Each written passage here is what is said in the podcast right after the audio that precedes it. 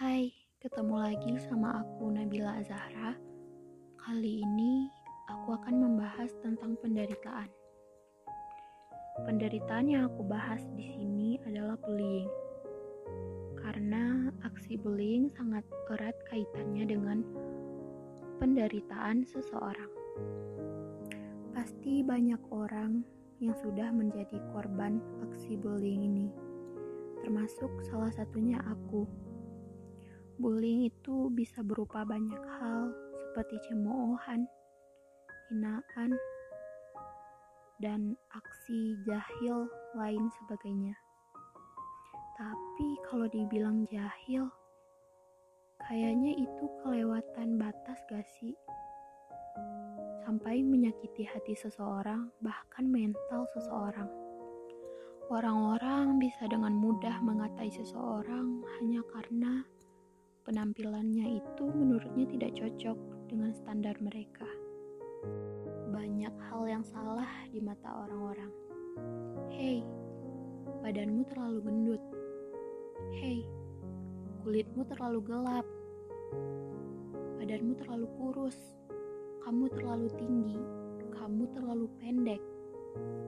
Semua itu tanpa henti dan tanpa ujung. Orang-orang terus mengomentari tanpa tahu orang yang dikomentari itu butuh komentar mereka atau tidak.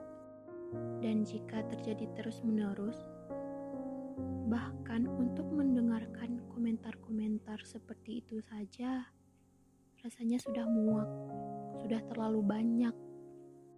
Yang lebih mirisnya lagi, kadang pelaku bully itu tidak tahu kalau mereka sedang melakukan bullying.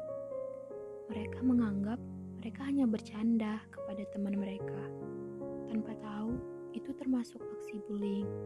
Tapi bukankah yang dinamakan candaan jika kedua belah pihak tertawa?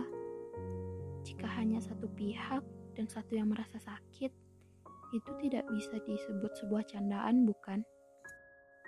Para pelaku bullying tidak akan tahu rasa marah ketika melihat cermin, melihat pantulan diri sendiri, karena tidak bisa sesuai dengan apa yang ingin mereka lihat, tidak sesuai dengan standar mereka, yang akhirnya berujung menyalahkan diri sendiri. Kenapa tidak bisa terlihat cantik? Kenapa tidak bisa terlihat putih? Kenapa tidak bisa tinggi? Kenapa tidak bisa kurus? Kenapa, kenapa, dan kenapa? Hal itu yang terjadi secara berulang-ulang mengakibatkan penderitaan pada diri seseorang. Menurunnya rasa kepercayaan diri, kegelisahan di antara orang-orang, rasa takut akan menjadi korban bullying lagi, rasa takut akan komentar-komentar orang di luar, bahkan hmm, jika sampai di titik parahnya korban aksi bullying akan mengurung diri mereka dan tidak akan tidak ingin bertemu dengan orang-orang.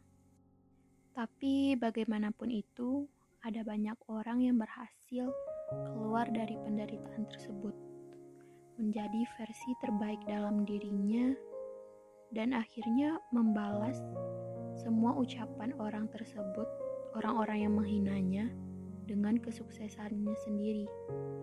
Tetapi ada sebagian orang yang mengambil jalan negatif untuk keluar dari penderitaannya tersebut. Bahkan parahnya sampai mengakhiri hidupnya sendiri. Bullying juga sering kali membuat trauma dalam hidup seseorang. Menjadikan trauma masa lalu yang membentuk orang tersebut menjadi pribadi yang tidak percaya diri. Jadi, jika kalian termasuk dalam salah satu korban bullying atau yang pernah mengalami bullying, terus semangat. Bungkam semua mulut mereka dengan keberhasilan dan kesuksesan kalian, sehingga mereka tidak bisa lagi menghina kalian karena mereka jauh di bawah kalian. Dan jika kalian merupakan salah satu pelaku bullying, ubahlah sifat kalian tersebut, karena tidak selamanya kalian akan berada di atas orang yang kalian bully tersebut.